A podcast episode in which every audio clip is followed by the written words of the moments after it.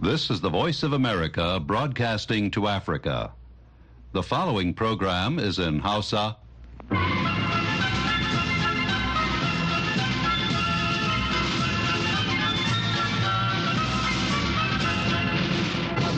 Sashen Hausa na murya Amurka ke magana daga nan birnin Washington DC.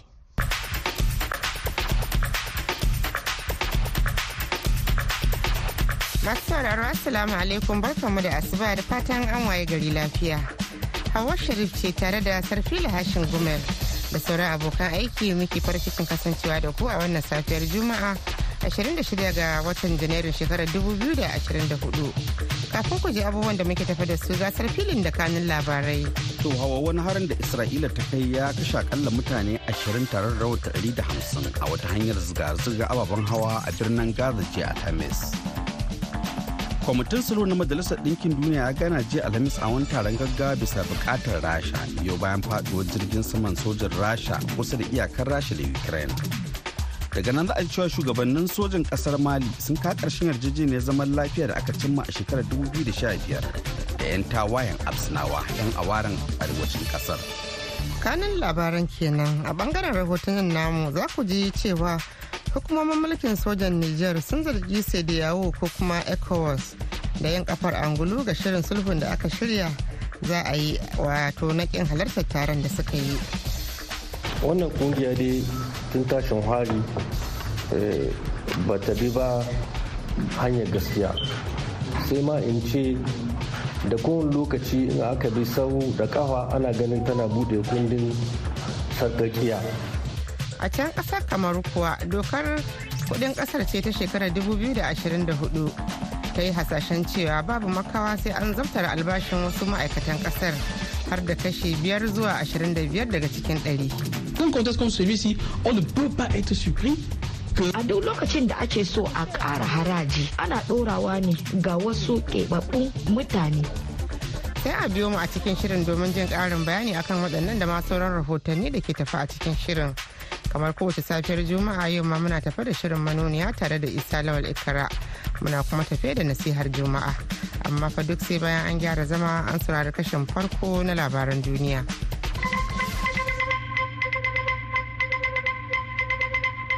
To jama'a assalamu alaikum. Ga cikakkun labaran duniya. Wani harin da isra'ila ta kai ya kashe akalla mutane ashirin tare da raunata wasu 150 a wata hanyar zirga-zirga ababen hawa a birnin gaza jiya alhamis. Yayin da falasɗina ke jiran agajin jin kai in ji jami'an kiwon lafiya na hamas. Rundunar sojin isra'ila ta ce tana gudanar da bincike kan rahoton. Har ila yau a tsakiyar gaza jami'an kiwon lafiya na falasɗinu sun ce wani hari da jiragen saman isra'ila suka kai da daddare a wani gida da ke sansanin 'yan gudun hijira na al-nusairat ya kashe mutane shida. A halin da ake ciki kuma adadin waɗanda suka mutu sakamakon harin da aka kai cibiyar horas da 'yan gudun hijira ta majalisar ɗinkin duniya da ke kan yunis a kudancin gaza a ranar laraba ya kai goma sha biyu tare da jikkata sama da saba'in da biyar a cewar thomas white babban jami'in hukumar kula da 'yan gudun hijira na falastino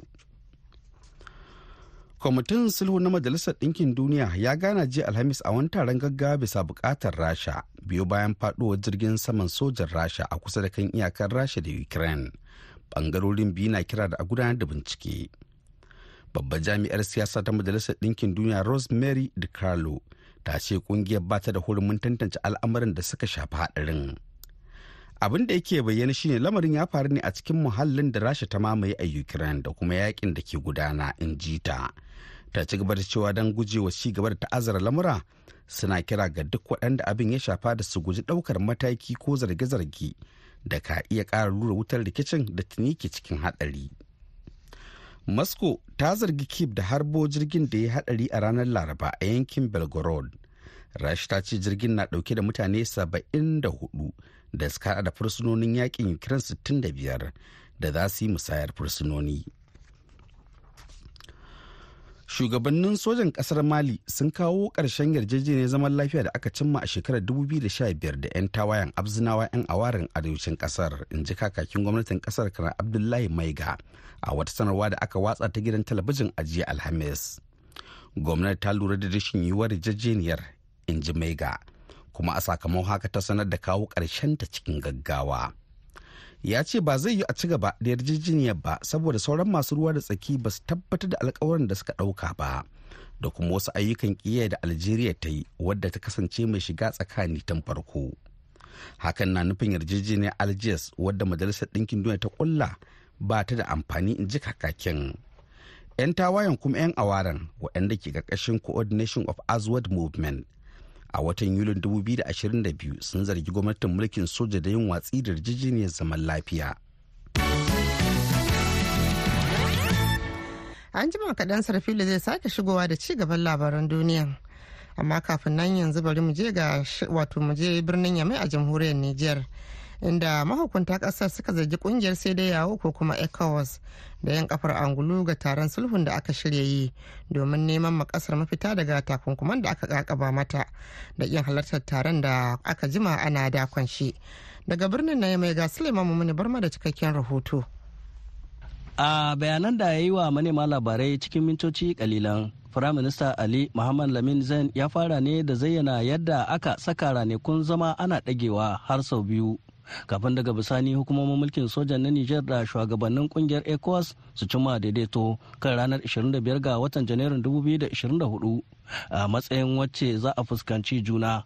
Sai dai an shafe tsawon wannan rana tawagar jami'an ƙungiyar bata shigo ba in banda ministan harkokin wajen togo robert duse da tuntuni ya sabka birnin yamai in ji prime minister zen.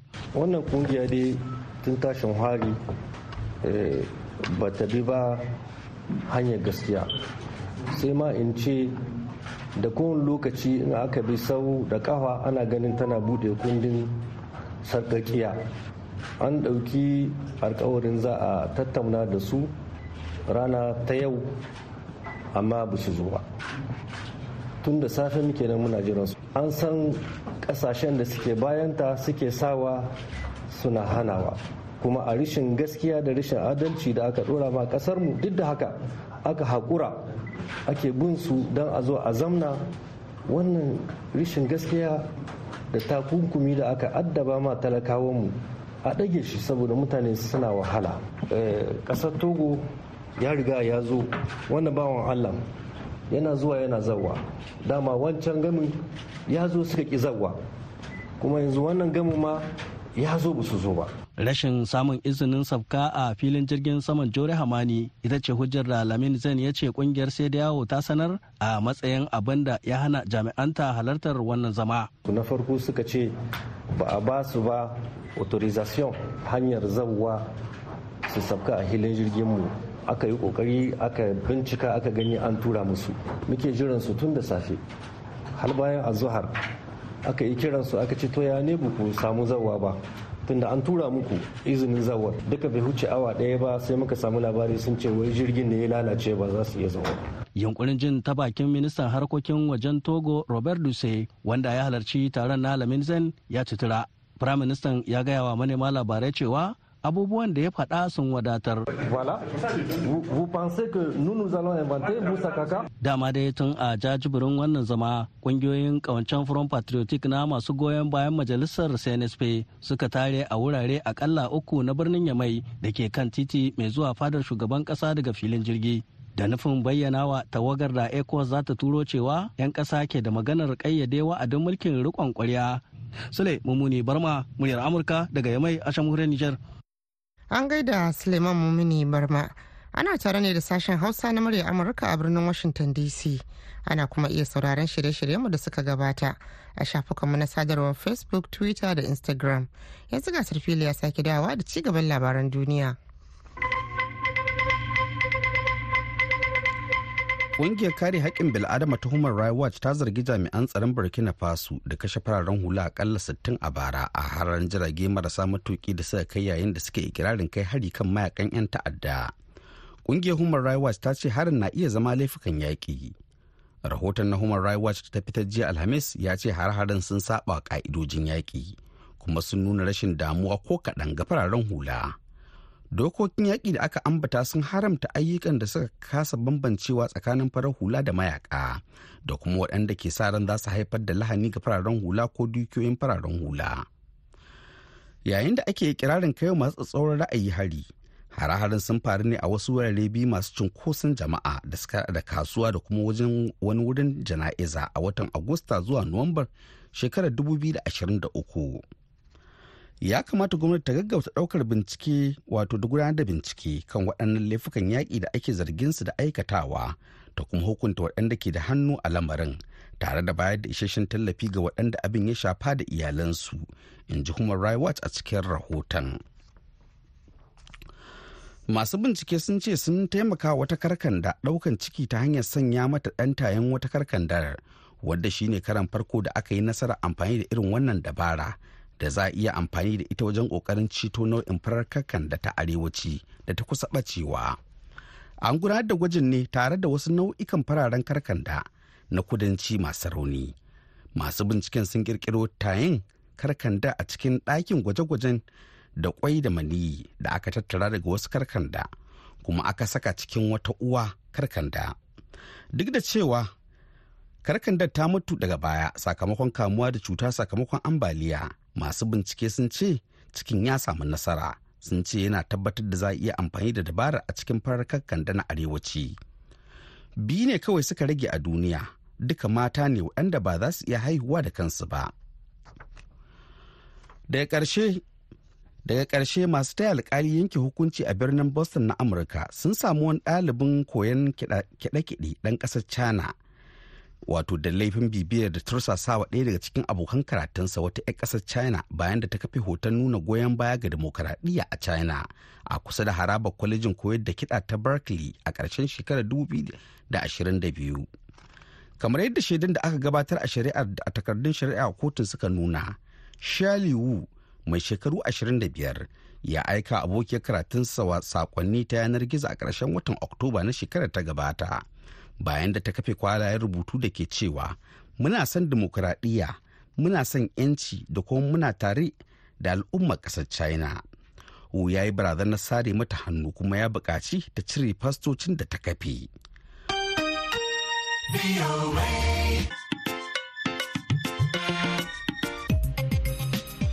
Labaran duniya aka saurara daga nan sashen hausa na murya amurka a birnin washington dc To madalla yanzu kuma sai birnin Duwala a Kamaru inda wakiliyarmu a can Maimunatu Sado ta ruwaito cewa sakamakon wasu sabbin matakan haraji da gwamnatin ƙasar ta bullo da su ƙarƙashin dokar kuɗi ta shekarar 2024 babu shakka sai an zabtar albashi da dama daga cikin ma'aikatan ƙasar kamar da za ku ji a cikin wannan rahoton da ta aiko mana. A cikin dokar kuɗi ta 2024 ta ƙasar Kamaru, gwamnati ta bullo da sabbin matakan haraji waɗanda ba makawa za su haifar da raguwar albashi ga wasu ma'aikatan tsakanin kashi biyar zuwa ashirin da biyar cikin ɗari. Ƙarin bayani daga babban mamba na jam'iyya mai ci RDPC, Jean-François Iyanga. Il faut d'abord le noter, peut-être nous étions sous-taxés et que aujourd'hui nous sommes ya kamata a fara lura wataƙila dama muna kasa da harajin da muke biya. Kuma a yau mun kai matakin da ya cancanta. Kuma ma har yanzu ba mu kai kashi goma cikin ɗari na wasu ƙasashen ba. Musamman idan muka kalli tattalin arzikinmu. Harajin da muke aiwatarwa a kamaru haraji ne da ya riga yawan zuwa wasu ƙasashen matsalar kamaru ba don za mu biya haraji ba ne ko aksarin haka ko kuma za a fuskanci hauhawar farashin man fetur. A'a ba haka ba ne. Amma ya kamata ku gane cewa tattalin arzikin kamaru ya bunƙasa da kashi uku da igotar cikin ɗari. Dangane da kuɗaɗen shiga ba na man fetur ba. Matsalar kamaru ita ce dai rashin daidaiton kasuwanci kawai. L'équilibre de la balance commerciale. A baya dai duk wani ma'aikaci mai samun shigowar kudadensa akwai harajin da yake kansa musamman ya shafi wasu bangarori na albashi da aka daidaita shi ta hanyar biyan wannan haraji da tsabar kuɗi sannan faɗaɗa jerin fa'idodi cikin kima bisa ga hanyoyi da ke ƙasa don ƙayyade tushen haraji cikin nau'o'in albashin ma'aikatan kamar kashi biyar cikin ɗari na waya kashi goma cikin ɗari na man fetur kashi biyar cikin ɗari na biyan masu gadi kashi biyar cikin ɗari na intanet wannan yana nuni da abubuwan da aka ambanta da kuma wasu cikin ma'aikatan ke samun waɗannan fa'idodin ko wani wata. Gwani ta ɓangaren haraji ƙarƙashin ƙasashen tsakiyar Afirka, CEMAC, Serge Alexis Majowa ya yi bayani kamar haka. A force de vouloir trop Ta hanyar so a faɗaɗa haraji za a taɓa waɗanda a yanzu haka ake ƙoƙarin keɓe su. Sakamakon haka kuwa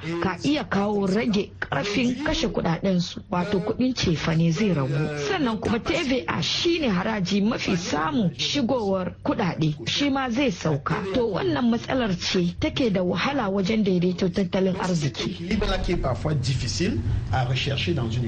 Shi wannan gwani ta ɓangaren haraji ya yi ƙarin bayani. Un contexte comme celui-ci, on ne peut pas être surpris A duk lokacin da ake so a ƙara haraji ana ɗorawa ne ga wasu keɓaɓɓun mutane. Kuma ya kamata a lura da lamarin da zai iya haifarwa yayin da kuke sa ran shigowar kuɗaɗen haraji musamman na cikin gida. Ana cikin damuwa musamman a irin yanayin rayuwar da ake yi a yau. Ga hawar farashin man fetur da ke tun ƙaruwa ga rage albashin ma'aikata wanda kafin shigowar 2024 lamarin bai yi tsanani kamar haka ba.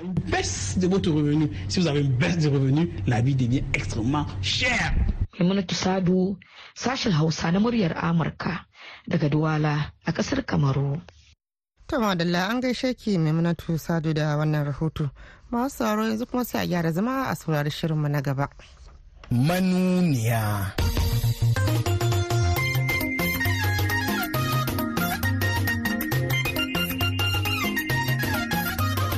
Da mutanen Kano sun fi ƙarfin kwankwaso sun fi ƙarfin gandoje saboda haka su yi don mutanen Kano shine yi don Allah. In ko suka yi don Tinubu suna ji suna gani mutanen Kano za su fi ƙarfin su. Muna son mu yi amfani da wannan damar mu tabbatar musu cewa in har aka gagara bin wannan doka to za mu garzaya kotu a yi muna fasara. Wasu 'yan Najeriya kenan ke zube ban kwariyar kwankwasa ƙofar sulhun da aka ce Tinubu ya yi wa kwankwasa da gandujan da suke ta fama da saɓani game da maganar murgina rassan wasu hukumomin tare Najeriya zuwa Ikko shugaban ƙungiyar Izala a Najeriya Sheikh Balalau ne ya ce ai dama tun ma kafin zaɓe aka samu irin wannan rudani. Kafin ma ya hau mulki akwai maganganu na tsoron kada a ce za a canza headquarter Najeriya a mai da shi Lagos amma jam'iyyar a lokacin tana ta karyatawa. A kan rikicin cikin gidan jam'iyyar PDP a jihar Rivers da kuma buƙatar binciken tsohon shugaban kasa Muhammadu Buhari kuwa manuniya ce ta ji ta bakin wasu tsaffin gwamnoni. Ina ruwansa da rigimar PDP ina ruwansa. Wace yana cewa wai yarki PDP. Yanzu a zo a gari a ce ɗaya sai wasu zani da gori. A ce wai a kafa kwamiti na binciken abin da Buhari ya yi. Ina ganin ba zai kai Najeriya ko ina ba. Ai da Umar ya yaɗuwa ya ɗauki mulki daga hannun Obasanjo bai bincike shi ba. Ya ja layi. Waɗannan fa so mun ta muka tattaɓo cikin tarin muryoyin da za ku za cikin wannan shiri na manuniya.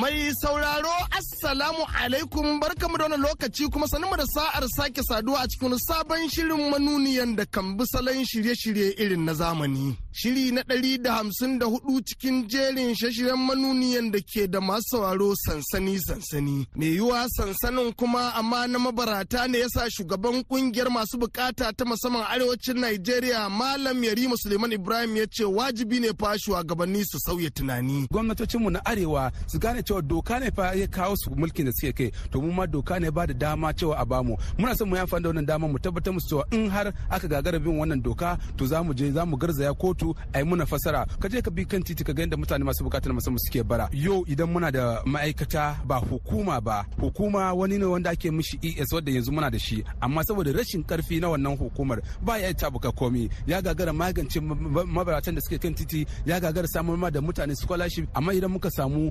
ma'aikata namu ta kashin kanmu wanda mu za a dinga ba mu haƙƙin mu ba za a dinga tsammuna kamar wasu almajirai ba. Tun na son tabbatar muka cewa za mu zama mutane masu yanci za mu zama mutane da muke ma wa'ansu alfarma. Muna son mu yi amfani da wannan dama mu kira majalisar ɗinkin duniya da su gane cewa su a gurin su ake kokoyo a kamar irin su amerika su ingila da su gane cewa halin da masu buƙata na musamman suke a ciki a najeriya in har ba su kawo mana ɗauki ba to za mu zama kamar bayu. Game da ɗauke sassan wasu ma'aikatu daga babban birnin tare abuja zuwa ikokuwa shugaban ƙungiyar addini ta izala a nigeria sheikh balalau ne ya ce dama dai akwai irin wannan zargi tun tun tun tuni. A najeriya buƙatar da take da shi shi da a samu shugaba wanda zai zamanto ya yi adalci. To irin wayannan korafe-korafe kafin ma ya hau mulki akwai maganganu na tsoron kada a ce za a canza headquarter Najeriya a mai da shi Lagos amma jam'iyyar a lokacin tana ta karyatawa maganan ba haka bace magana ce ta 'yan adawa da sauransu. To a duk lokacin da aka ga irin wannan yanzu cewa to za a ɗauki waɗansu sashin ma'aikatu da an mai da su zuwa Lagos. To irin wancan zargin na farko dole ya soma zuwa. Cewa to ko maganan da ake so a yi cewa za a canja hirkota za a yi kaza shi ake ƙoƙari a yi. To kullum matsayin mu shine shugaba ya riƙa lura da abin da talakawa da al'umma suke faɗa kada zamanto an samu tuhuma da wani abun da bai dace ba tsakanin shugaba da wanda ake shugabanci. Haka muna fatan ɗauki dukkan mataki da zai iya sanya kwanciyar hankali da walwala da haɗin kan ƙasa da kuma abin da zai taimaka wa zaman lafiya. Sai dai shi tsohon gwamnan jihar Jigawa Alhaji Salalami da cewa yake tsoma baki cikin rikicin cikin gidan jam'iyyar PDP da shugaban kasa Tinubu da wasu ke yi fa alama ce da ke alamta cewa shugabancin jam'iyyar yanzu akwai rauni. A waye gari a ce ana rigima a PDP a ce ainihin Tinubu da je kira sulhu ko nan a ɓangaren ina ruwansa da rigimar PDP ina ruwansa wace yana cewa wai ya riƙe PDP yanzu a waye gari a ce ɗaya sai wasa zani yi mata gori kamun tafi ɗan nan ta bata zani sun manta da cewa mukamin su ne yanzu sunan su ne yanzu don ku da PDP ce. Ka zama gwamna ka zama minista ka yi majalisa ka shugaban kasa ka sanar president ka speaker duk wanda muka kawo su sannan ka zo ka ba maka adalci ba. An gane ba. Ya excellency cin da ko kuka haifi PDP nan ko kana cikin wanda suka haife ta? Me ka lura ya kawo raunin shugabancin PDP na yanzu? Ito akwai yanayi na zamani da kuma ainihin manta da cewa me jiya. Saboda haka sai dai a kai addu'a cewa Allah ya dada mutane domin ka shine kowa san me shugabanci a madan siffa shugaba yana da siffa cewa ya adalci. Ana yi yanzu. A ina aka ce in kawo kai san zuciya? A gidan ku akwai maka? Ka yi ƙoƙarin jan hankalin shugabanci akan waccan rigima ta ribas. Kwalliya za a iya cewa ta biya kuɗin sabulu misali? Ban yi lafazi akan matsayin kwalliya ba ko sabulu na yi lafazi ne akan hakki. Ba da ka yi ta ba. Akwai wasu abubuwa da ake gina wajen kafa ta a jama'a sassashi to a kalle su a yaki da su. Shikenan ai. Ma'ana an yi aikin da su yanzu fata su yi. Muna fata su yi. A kan kiran da wasu 'yan ƙasa ke ta yi na cewa ya kamata a binciki tsohon shugaban ƙasa Muhammadu Buhari kuwa sanata Muhammad Adamu Aleri ne ya ce kada dai gwamnati ta yi gangancin gangara gangarar da na sani. To bincike baya da kyau. Wannan lokaci ne a ce ka ci gaba da bincike. Amma in ya kama dole in ya kama wajibi an yi to da banna to dole wace wannan banna ka yi tsaye a ga cewa an bincike ta kuma in kuɗin jama'a ne aka ɗauka ka yi tsaye a ga cewa an maida. In baka yi haka ba to ba kawai mutane adalci ba. Amma a ce wai a kafa kwamiti na binciken abin da buhari ya yi yana ganin ba zai kai najeriya ko ina ba. Ai da umar ya yaɗuwa ya ɗauki mulki daga hannun obasanjo bai bincike shi ba ya ja layi. Amma akwai abubuwan da ya ga ayin ba daidai ba wanda ya ce a gyara. Ana misali kamfanin aje a kuta da aka sayar kamar refineries da aka ce an sayar president umar umar yaɗuwa ya tsaya ce dalle a mai da su ga najeriya kuma aka maida. Da irin wannan ba laifi ba ne idan an ce ai haka. Kuma ai ana na ana binciken buhari. Don yanzu cbn an samu a yi barna da yawa kuma an fito da abubuwa da dama wanda aka binciko. To yana ganin wannan ba laifi ba ne to wai kariya da kundin tsarin mulki ba tsofaffin shugabannin ƙasar nan har bayan sun sauka ne? A'a kariya in suna cikin mulki amma bayan sun sauka da gwamnati da shugaban kasa duk ana iya binciken su kuma ana iya gurfanar da su gaban kotu a musu hukunci. Shi kuwa tsohon dan masar kiran tare Najeriya daga jihar Niger Malam Abakar Cika Adamu cewa yake ƙoƙarin sasanta tsaffin gwamnonin jihar kanan da aka ce shugaba tinubu na ta yi kawai yunkuri ne na idan zaɓe ya gangaro ya mai da su tsani. ba matsala ba ne na su shirya amma ba su shirya don siyasa ba. Kamata yi su dubi allah su dubi tashiyar da suka yi a baya su shirya don ci gaban mutanen kano. In dan dai tinubu ya shirya su kan siyasa ni ban ga amfanin shi ba. Saboda abin da ya hada su ta addini da abin da ya hada su ta matakiya ya yi maganan mukamin tinubu. Don shi tinubu ne ya shi ya hada su ga baki ɗaya 2027 ya zo zai takara ya ci kano. In ni ne ganduje abin da zan yi shi ne zan nemi kwankwason. Because abin da tinubu ya mun zai zama da cewa kamar tunasarwa ne a wajena. Ashe bai kamata in hada da dan uwana ba. In zo in samu kwankwaso mu zauna mu yi magana mu yafe ma juna duk inda muka samu kurakurai. Idan zan bar siyasa ne gwamma in bar fati chama dan in shirya da kwankwaso don mu ciyar da kano ga baki ɗaya amma in don dai tinubu ne to ni ban ga amfanin shiryawansu ba. Na ji an ce kwankwason ma ya tafi wajen shugaban kasa to ni dai ina so in gaya mai apc ba ita ta bashi mulki ba al'umman kano suka bashi mulki. In ya munafunci al'umman kano dan ya bi tinubu ko dan wani muradin kashi wallahi allah sai ya tozarta shi. Saboda mutanen kano sun fi ƙarfin kwankwaso sun fi ƙarfin ganduje saboda haka su yi dan kano dan mutanen kano shine yi don allah. In ko suka yi don tinubu to allah ko sai ya nuna musu tinubu ba kowa ba ne su ma ba kowa ba ne. Suna je suna gani mutanen kano za su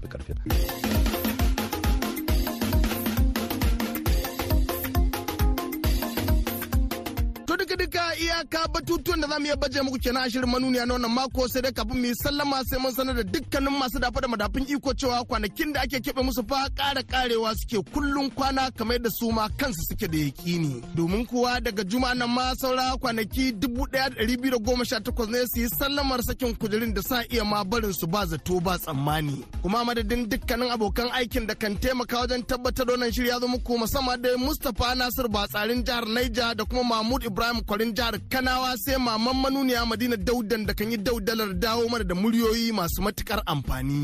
Ni isa lawal ikara da kan shirya an gabatar ne kuma nake cewa sai kun mako idan allah ya sake sada mu a cikin wani sabon shirin na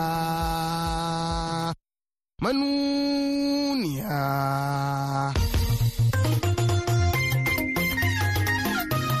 To madalla yanzu kuma ga nasihar juma'a.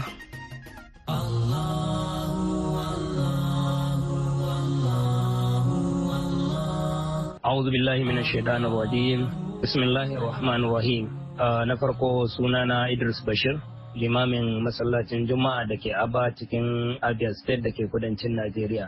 nasihar mu ta yau za ta kalli yanayi ne na shugabanni su yi ƙoƙarin faɗakar da mabiyansu yana Allah shugabannin nan musulmai ne ko kristoci. abubuwan da Allah subhanahu wa ta'ala ya riga ya ɗora musu su yi duk abin da zai yiwu na mai yiwuwa su tabbatar da sun ɗabi'antar da mabiyansu hanyoyi ko bibiya da ta kamata.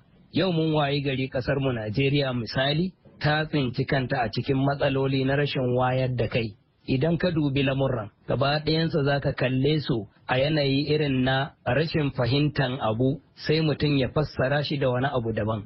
To kira na zuwa ga malamanmu da kuma shugabanni na ɓangaren addinin Christianity da sauransu a tashi tsaye wajen wayar da mabiya don tabbatar da mun gudu tare, mun tsira tare. Wallahi Allahn da ya yi Najeriya ya kaddarce mu a cikin Najeriya ba wai baya son mu ba ne ba ko kuma bai san halin da muke ciki ba.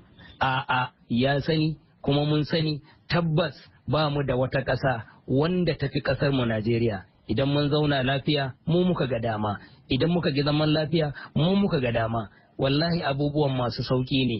Da za mu yadda mu bi dokokin Allah subhanahu wata'ala ta kowane ɓangare za a samu mafita kamar yadda Allah subhanahu wata'ala ya faɗa a cikin alkur'ani wa man yattaqillaha yaj'al lahu makaraja wa yarzuquhu min haisu la yahtasib. Ubangiji subhanahu wata'ala ya yi mana bayani a fayyace bai ɓoye mana komai ba. Saboda yana son 'yan Najeriya yana son mutanen duniya. Shi yasa ya kawo hanyoyi na tuba. Idan mutum ya tuba Ubangiji subhanahu wataala yana farin ciki. Dukkan wata matsala Allah ta'ala zai iya yaye masa a lokacin da ya ga dama. To rashin wayewa da rashin wayar da mabiya yau mun waye gari ƙasar mu Najeriya ta tsinci kanta cikin halin kakani kai muna roƙon Allah maɗaukakin sarki ya fidda mu cikin wannan halin kunci na rayuwa da aka fada a ciki ɓangaren shugabanci da ɓangaren mabiya. Allah ta'ala kai mana maganin waɗannan matsaloli. Assalamu alaikum wa rahmatullahi ta'ala wa barkatuhu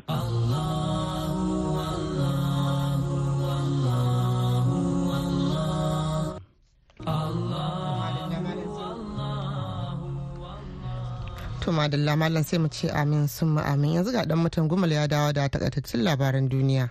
To a taƙaice wani harin da Isra'ila ta kai ya kashe akalla mutane 20 tare da wani wasu 150 a wata hanyar zirga-zirga ababen hawa a birnin Gaza jiya Alhamis yayin da Falasɗina ke jiran agajin jin kai in ji jami'an kiwon lafiya na Hamas. ta masu baki ɗaya kuma abin da ya sauka kenan a cikin shirin namu na wannan lokaci sai kuma can idan Allah ya kai mu da ƙarfe 8 agogon Najeriya Nijar kamar da Chadi wanda zai daidai da ƙarfe 7 agogon GMT da Ghana. Za ku ji mu mun sake dawowa. Yanzu a madadin dukkan abokan aiki da suka ba da gudunmawa wajen kammaluwar shirin musamman sirfila hashin gumel da ya na gabatar da shirin ya karanto labaran duniya. Sai injiniyan namu na wato sai wanda ya ba da umarni wato daɗi balawi da injiniyan namu na yanzu musa kelvin hawa sharif ke fatan alheri ma assalamu